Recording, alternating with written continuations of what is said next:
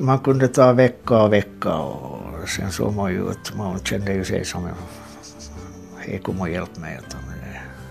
När man har nu fastnat i ett missbruk så har man fastnat i ett missbruk. Så det är väl inte så enkelt att ta sig ur det heller.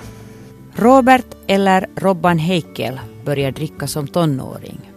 Hans drickande eskalerade och han har bland annat kraschat två äktenskap. Mycket på grund av sitt alkoholmissbruk säger han själv.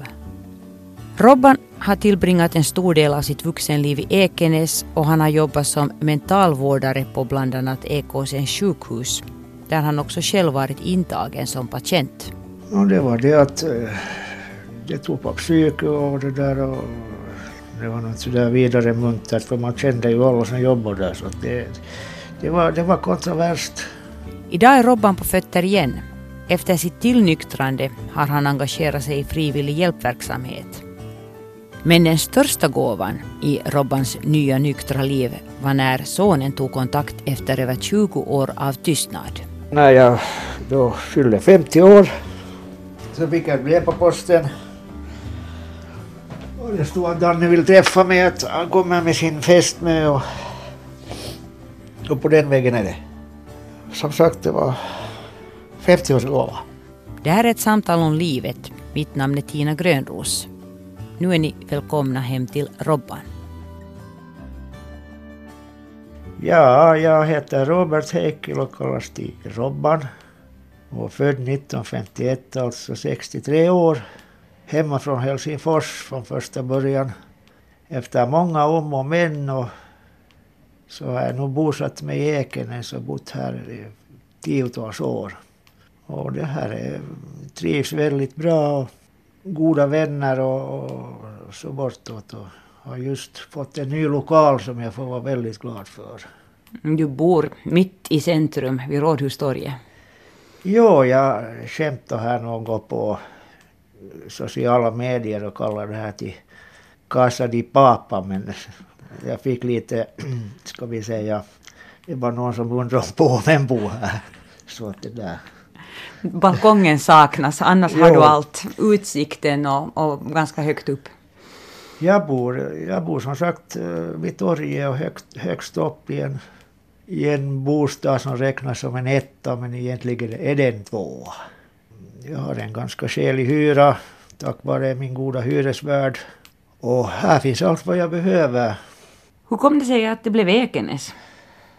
Ja, det måste gå tillbaka till förra århundradet, 70-talet. Jag började på Lärkulla, eh, Lärkulla vad heter, det heter Folkakademin nu för tiden, men Lärkulla folkhögskola hette det väl då. Karis är ju inte så långt härifrån så jag var jag och hälsade på hit till Ekenäs och blev bekant med folk härifrån. Och sen så sökte jag mig till Ekenäs eh, 74 började jobba som vikarie, vippare på eh, Ekåsens sjukhus. Sen så träffade jag en dam och sen föddes vår son 75. Att, eh, det är väl det där klassiska. Sjukhusromantik. Och sen det där så föddes liksom Danne 75 här på Ekenäs BB och, och så gifte vi oss här faktiskt i Ekenäskyrkan. Sen småningom så eh, flyttade vi till Pargas och jobbade på Kårkulla där. Och däremellan hann jag göra en sen militärtjänstgöring. Men hur det nu allt var så, så det där så, så gick det som det gick att det blev skilsmässa mellan Dannes mamma och mig. Och och, det där. och jag drog vidare och ut på nya hemska äventyr. Nå inte hemska men det var lite besvärligt efter skilsmässan och det där. Och småningom så skaffade jobb på, i Sverige på Beckomberga sjukhus i Stockholm och jobbade några år där. Och och det också var ett mentalsjukhus? Det var ett mentalsjukhus, jo. Det var väl Nordeuropas största mentalsjukhus på 70-talet på den tiden. Mm.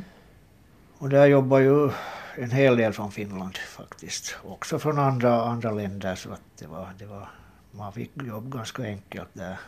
Hur det nu var sen så träffade jag, blev bekant där med folk från Ekenäs och hur det nu var sen så kom jag tillbaks till Ekenäs och flyttade till stationsvägen 12. Och där var bageri, i, i det där i källarvåningen. Och sen bodde det massa människor av alla åldrar. Och det var lite huller om buller. Nå, berätta lite mera. Det var lite sån här, ska vi säga, kommuntyp-aktigt. Eh, Att mitt i allt så kunde det ramla in folk på natten till någon och, och så där bortåt. Och, och det var nog... Inte var det nog riktigt hippieliv men det var nog så lite mera fri, friare liv. Och, och hur det nu var sen så igen så drog jag vidare till Åland och jobbade där på ett mentalsjukhus, Grälsby sjukhus som inte tyvärr finns mer heller. Så. Och efter en session där så flyttade jag tillbaks till Ekenäs igen. Ekenäs har dragit? Det har dragit, jo, för att det, där, det är en väldigt vacker stad. Allt är, allt är nära här. Det har sina fördelar och nackdelar. Alla känner alla på ett sätt. Men, och i storstan känner ingen någon. Du har jobbat hemskt mycket inom vården men att vad jag förstått så har du ingen utbildning? Nej, jag har ingen utbildning utan jag har, jag har, lärt, mig, jag har lärt mig både den hårda vägen och sen får ju, jag menar, kan jag ju själv säga om jag är bra eller dålig utan det får ju andra bedöma sen men det har ju varit så att man har ju själv råkat ut för psykiska besvär och sitt, sitt den andra medaljens baksida från patienthåll och det där. Och ibland har det varit ganska tungt. Det är det att spriten har ju, har ju följt med mig ända sedan tonåren. Det har varit missbruk med sprit. Och någon gång så eskalerar det sen så att det där att eh, så att det kan sluta illa eller så kan det sluta bra. Men här sitter jag nu. Nykter? Nykter, jo. Kan jag gå ut någon gång på stan med här på utcheckningsställena och sitta och prata med kompisarna så där bortåt. Men det har blivit mera sällan. Det, för det första så är det dyrt. Och för det andra så börjar man bli så gammal redan att man orkar inte sitta. Det är sånt oljud. Så. Men du klarar av att ta en öl eller två? Jo, jo, jo. För det mesta jo. Det blir inga sådana som det var då när man höll på så att man kunde ta vecka och vecka och sen såg man ju att man kände ju sig som hej kom och hjälp mig. Utan kroppen håller inte, skulle inte hålla för det och inte skulle huvudet hålla för det och, och allt skulle, det, det skulle inte gå på det sättet. Men berätta om ditt drickande. Jag menar, du sa att det började i tonåren, så som ja. det är för de flesta som prövar på, på sprit. No, det var... Det var det var ju så att man fick ju alltid ha någon äldre och hämta flaskorna och så samlades man på helgerna och så hade man någonstans hade man fest då hos någon som det hette, man hade gem. Och så följde det nog med ut i vuxna livet spriten också. Sen när man blev myndig så kunde man köpa själv och det var så enkelt att få tag på.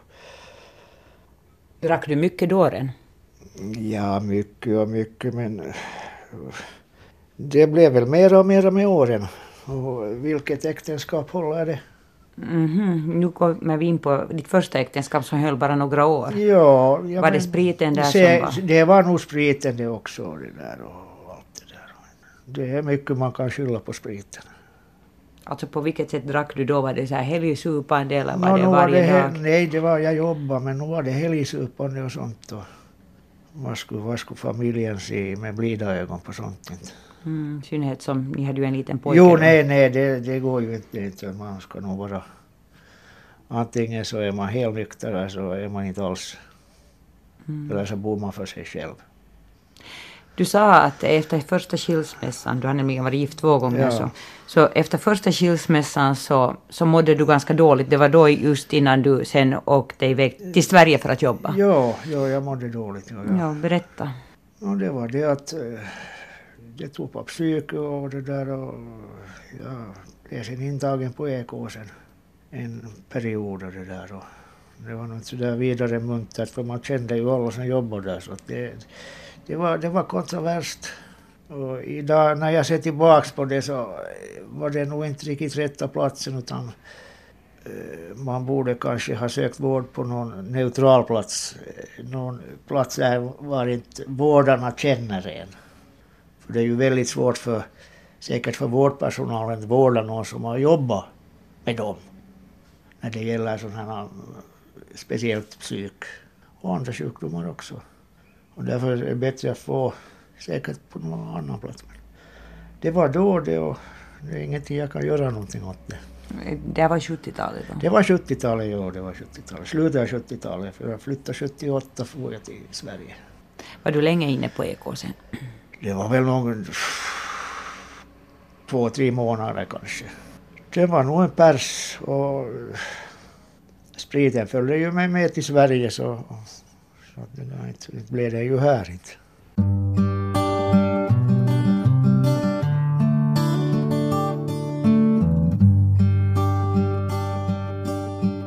Här fortsätter samtal om livet med Robban Heikel.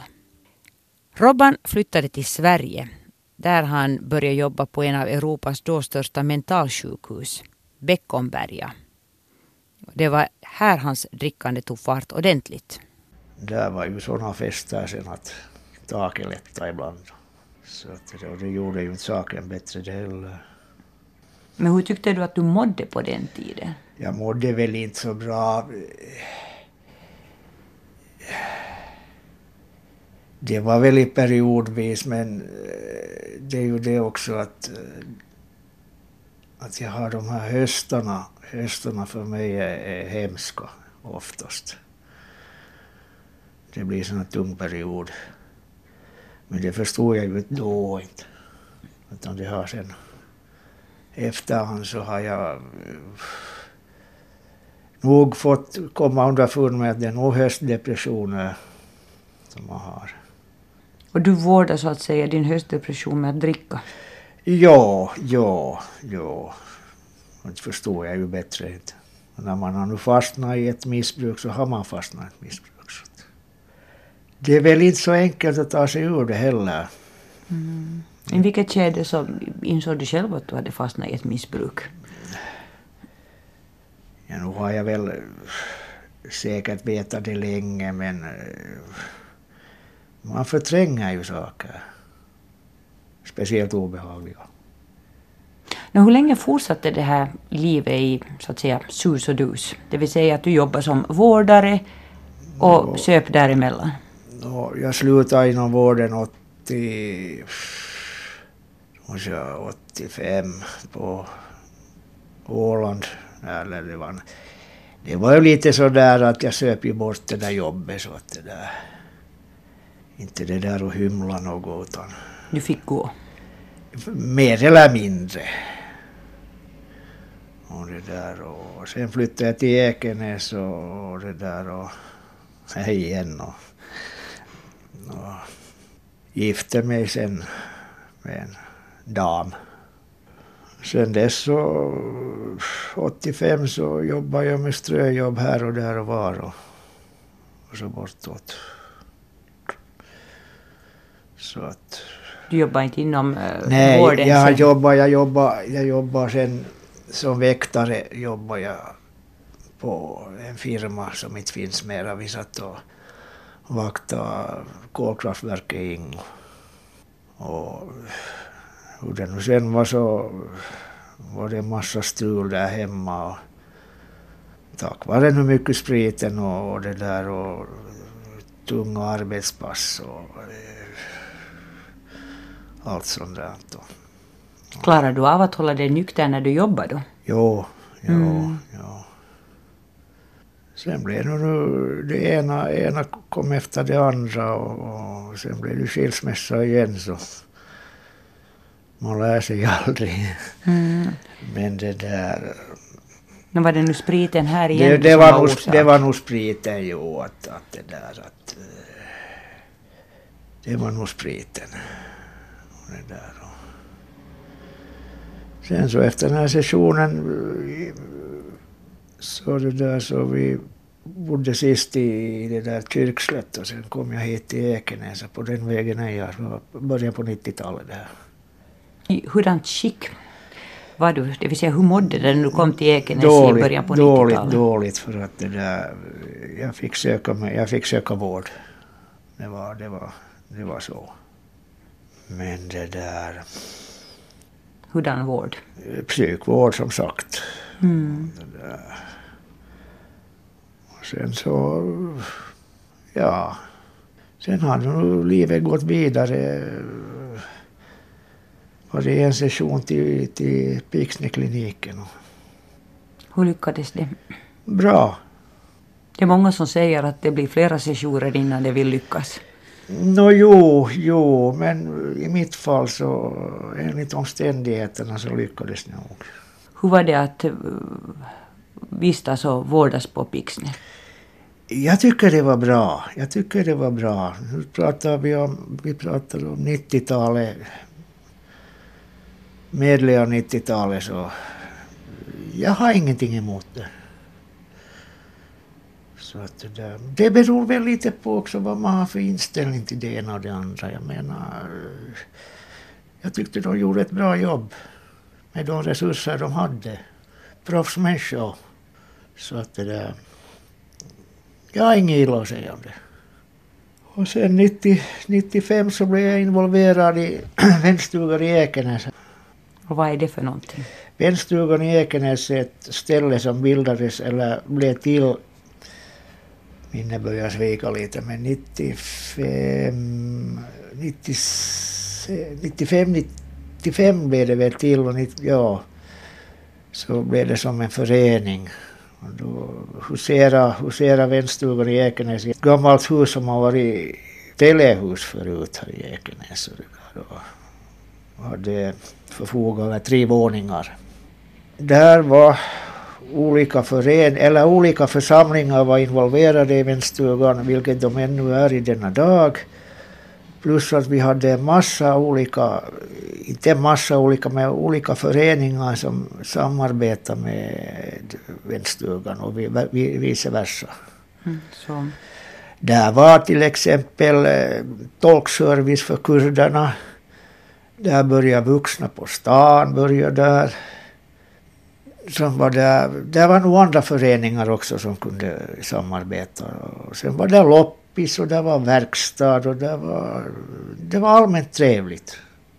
En samlingspunkt för ensamma. En samlingspunkt för ensamma och för missbrukare och jag menar folk av alla slag. Vare sig du har missbruk eller inte, men huvudsaken man var nykter där och inte ställde till det och någorlunda hyfsat språk. Så det där så gick det bra. Mm, du var ju va- faktiskt väldigt engagerad i det. Var du med i styrelsen redan? Jag var med i styrelsen och jag var engagerad faktiskt. Sen fick vänstugan byta lokaliteter för att stan... Det var så att det där gamla stället blev uppköpt som privat. Så flyttade vänstugan ner till där var Ekenäs lokalradio på samma gård. I ett gammalt trähus. Och, och vi fortsatte vår verksamhet där och så bortåt.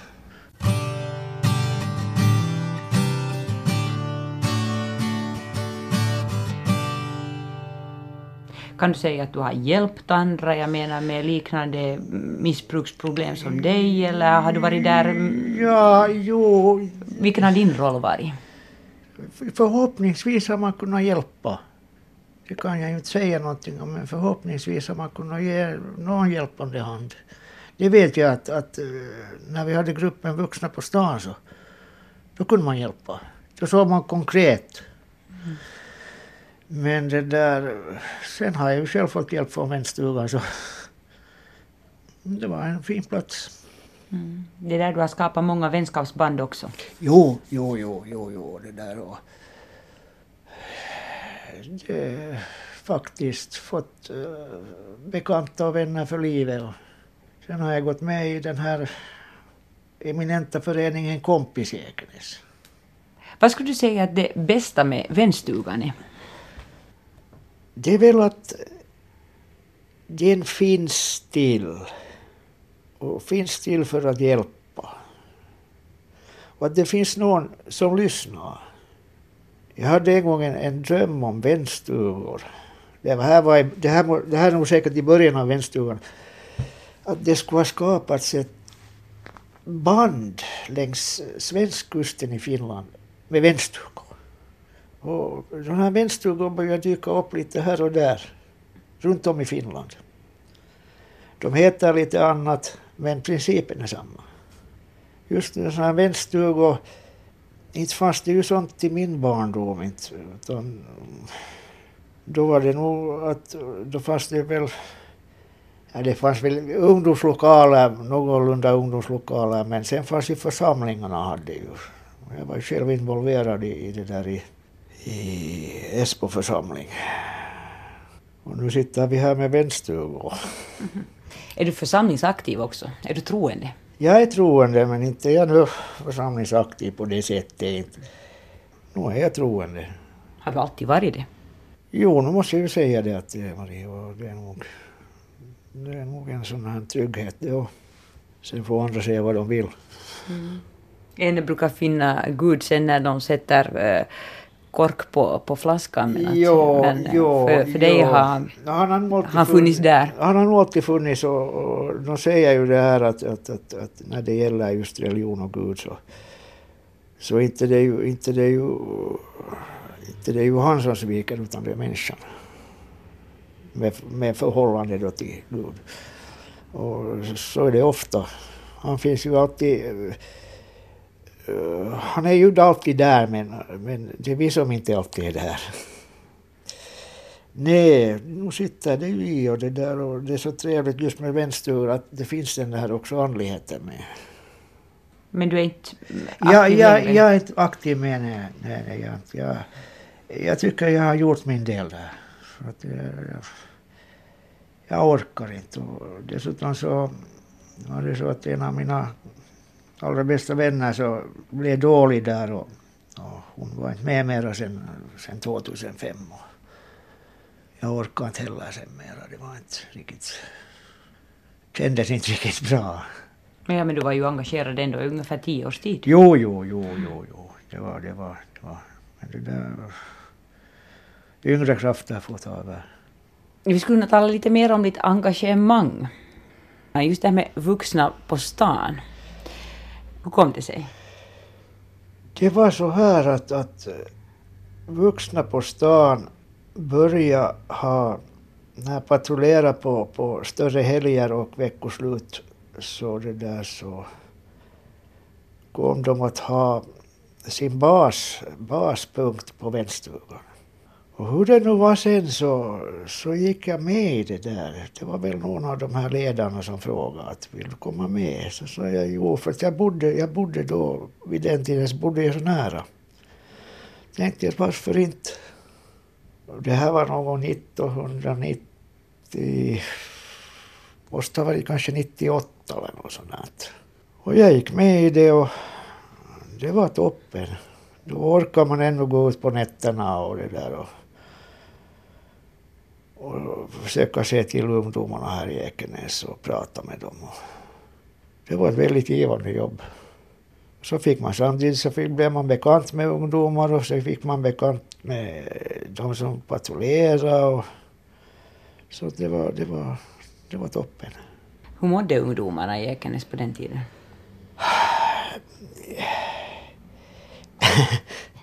Det var väl samma problem med ungdomen, eller problem och problem, samma mönster då som det var när jag var ung. Mm. Att, eh, det var den där lilla flaskan och, och lite festa och träffades. Och, sen träffades ju ungdomarna här nere i, i Stallösparken som är en stor park här vid restaurang Knipan. Och där höll de till skolavslutning och skolbörjan och veckoslut och etc. etc. Och, och sen hade vi på den tiden hade vi popkalaset här i Stallösparken så där patrullerade vi också och tog hand om överförfriskade barn och, och pratade nu överhuvudtaget med, med det där med ungdomarna. Vi fick ju, för det mesta fick vi bra feedback. Alltid fanns det någonting som spårade ut någonstans sen. Men det, det kan man inte göra någonting åt. Utan eh, vi hade ett gott samarbete med ungdomarna och det som var det viktigaste var att vi måste ha lov av ungdomarna om att få ringa hem och berätta att eh, din pojke eller flicka är här. Vi hade sån här eh, agreement då. Mm. Att vi gick aldrig och gjorde det på eget bevåg, att ringde hem till föräldrarna och sa att lilla Maj eller Pelle ligger här, utan vi, vi, vi hade faktiskt, sa de nej så respekterade vi det det, det var ju helt okej. Okay. Och då blev det ju sådana ömsesidigt, vi kunde, eller de litade på oss. Så att, och sen hade vi ofta hade vi Röda Korsarna med oss, vilket gav en extra trygghet. Men sen blev det så, sen var det ju det att eh, försökte få mera folk med till det här engagemanget, vuxna på stan och visst fick vi nya medlemmar och så där bortåt men det är ju ändå ganska tröttsamt att gå på helgerna om man ska gå en helg, fredag natt, lördag natt efter varann så det tar nog på. Och, eh, vi hade inte tillräckligt med resurser bara. Så att det blev sen lagt på is, tyvärr. Det där. Och jag har nog funderat på det många gånger att nu skulle det säkert behövas i dagens läge också. Men det måste finnas någon som är, brinner för det. Inte orkar man ju i längden inte. Vare mm. sig man är ung eller gammal. För att ska man ge någonting så ska man ge ganska mycket av sig själv och men man får mycket. Och Mm, ja, hur är det med de där unga just? De är ju fullvuxna i dagens läge. Har du kontakt med, som du sa, Maj och, och Pelle? är det med de unga idag? Mm, jo, jag vet mm. nog några som det har gått riktigt bra för att, att det där... Äh, säkert har det många, en del har flyttat härifrån och, och så bortom. Men jag vet nog några, några personer som det har riktigt då när det begav sig så kanske var lite hulivillig och nu så är det bra. Men så var det under min tid då, när jag var ung, 60-talet. Men det går inte att jämföra 60-talet med det här. Det var helt andra tider. Inte var det bättre förr som man säger, utan det var annorlunda. Vissa saker var bättre, vissa var inte. Och inte vet jag om det blir till det bättre. Inte, inte förstår jag vad man gör med alla appar hit och dit. Jag inte. Det som jag har funderat på, det är nog en sån här bitanke. Men vi trugas, i dagens samhälle trugas vi på saker och ting som vi absolut inte behöver. Helt i onödan. Det gör ju folk passiva. Men jag tror att trenden håller på att vända. Man ska inte behöva gå ut i, i press och media och säga att du ska bry dig om din nästa. Inte det är någonting som man kan komma och tuta i folk. Utan det borde finnas inbyggt på något sätt. Om jag vill gå och hjälpa någon, öppna dörren åt någon så gör man det. Inte ska det komma någon och säga att nu ska du gå och hålla upp dörren eller hjälpa att bära en kass. Men det är, nu, det är nu vad jag har fått uppleva.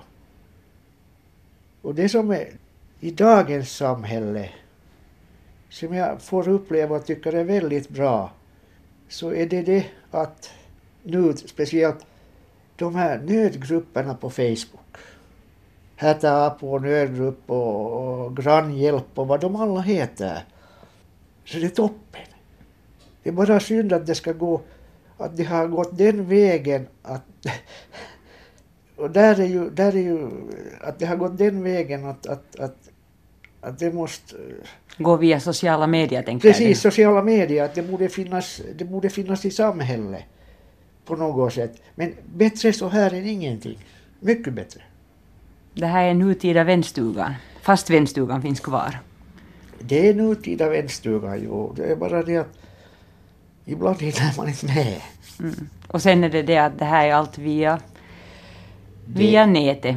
Ja. Utan ja. egentligen att man behöver ha fysisk kontakt med någon? Det är ju det att det är den här fysiska kontakten som borde finnas som är mycket mm. viktig. För att sitta och prata med en människa och se i ögonen eller skaka hand med en, säga hejsan. Så den är oerhört viktig.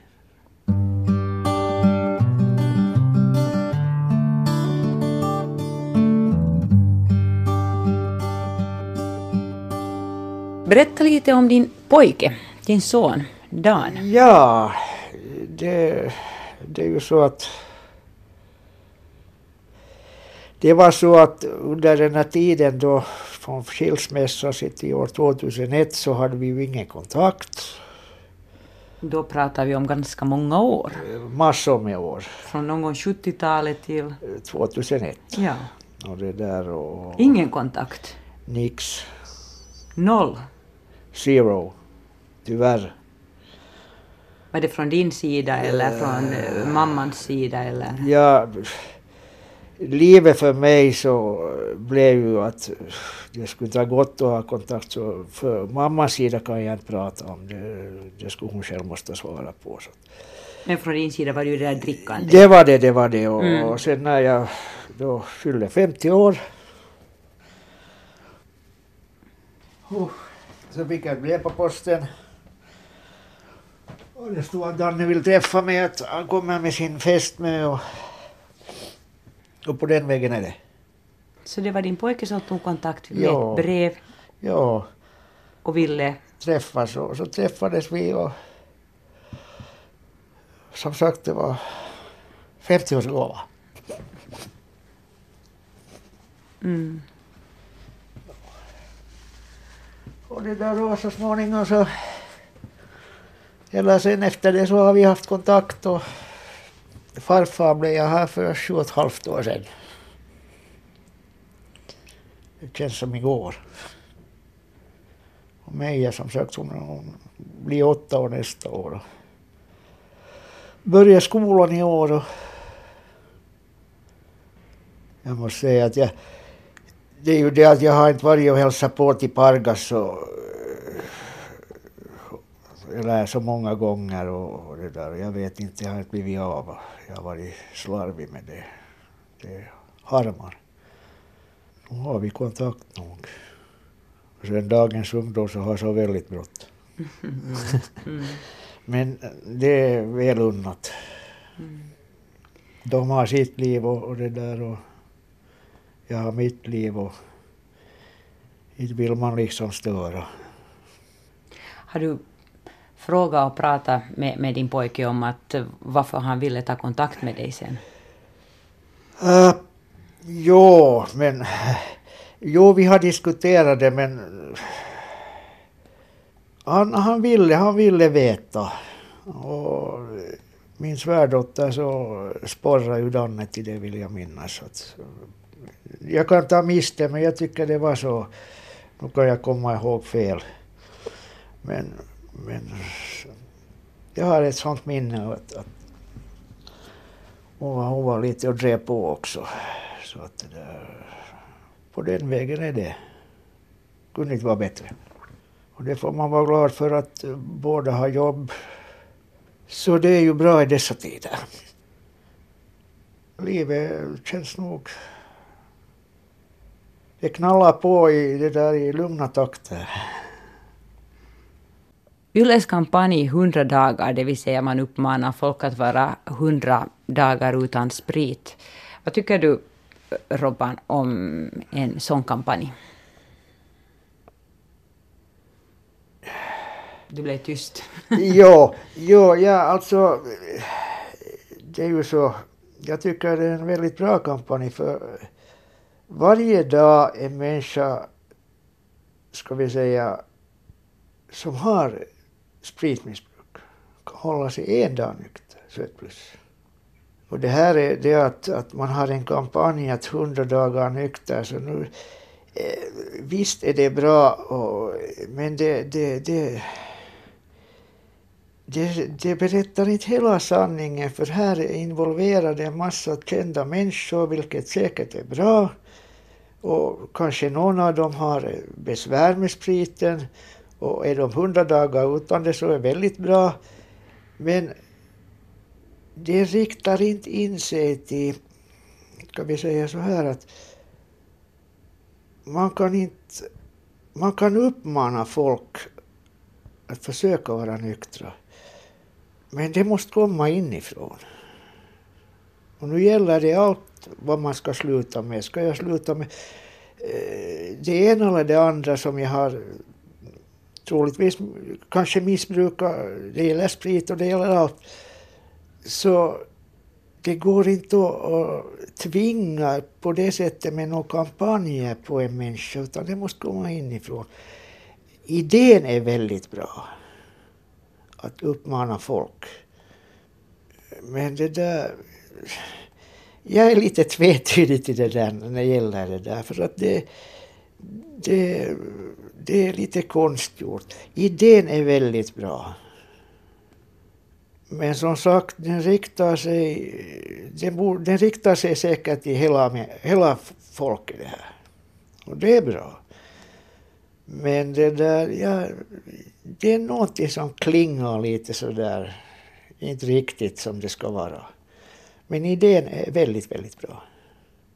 Vad var det som fick dig att eh, komma till insikt eller fatta beslutet om att nu får det vara slut med drickande? Nå, jag torrade tillräckligt i livet och det där och sen blev det slut. Så att där är det. Så beslutet kom från dig själv? Det kom, förr eller senare så kom det från mig själv. Men det livet har nog varit, har nog varit berg och dalbana många gånger. Och... Var någonstans på berg och dalbanan tycker du att du befinner dig nu? Nå, det är ganska jämnt och, och skönt. Jag har, jag har mina rutiner. Och en, stor, en del av livet har rutiner tycker jag. Behöver inte stressa. Och så äter jag regelbundet vissa tider på dygnet och inte på natten förstås. Men jag har mina rutiner när det gäller mat och när jag ska gå och lägga mig.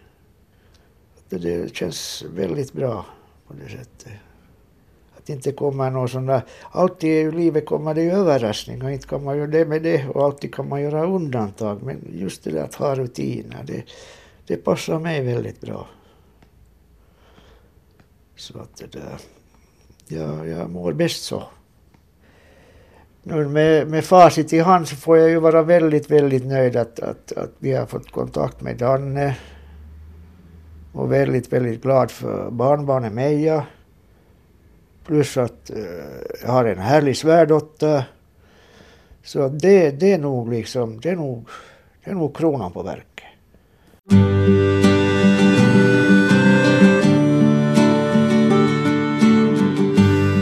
Du har lyssnat på ett samtal om livet med Ekenäsbon Robert Robban Heikel. Jag som gjort programmet heter Tina Grönros.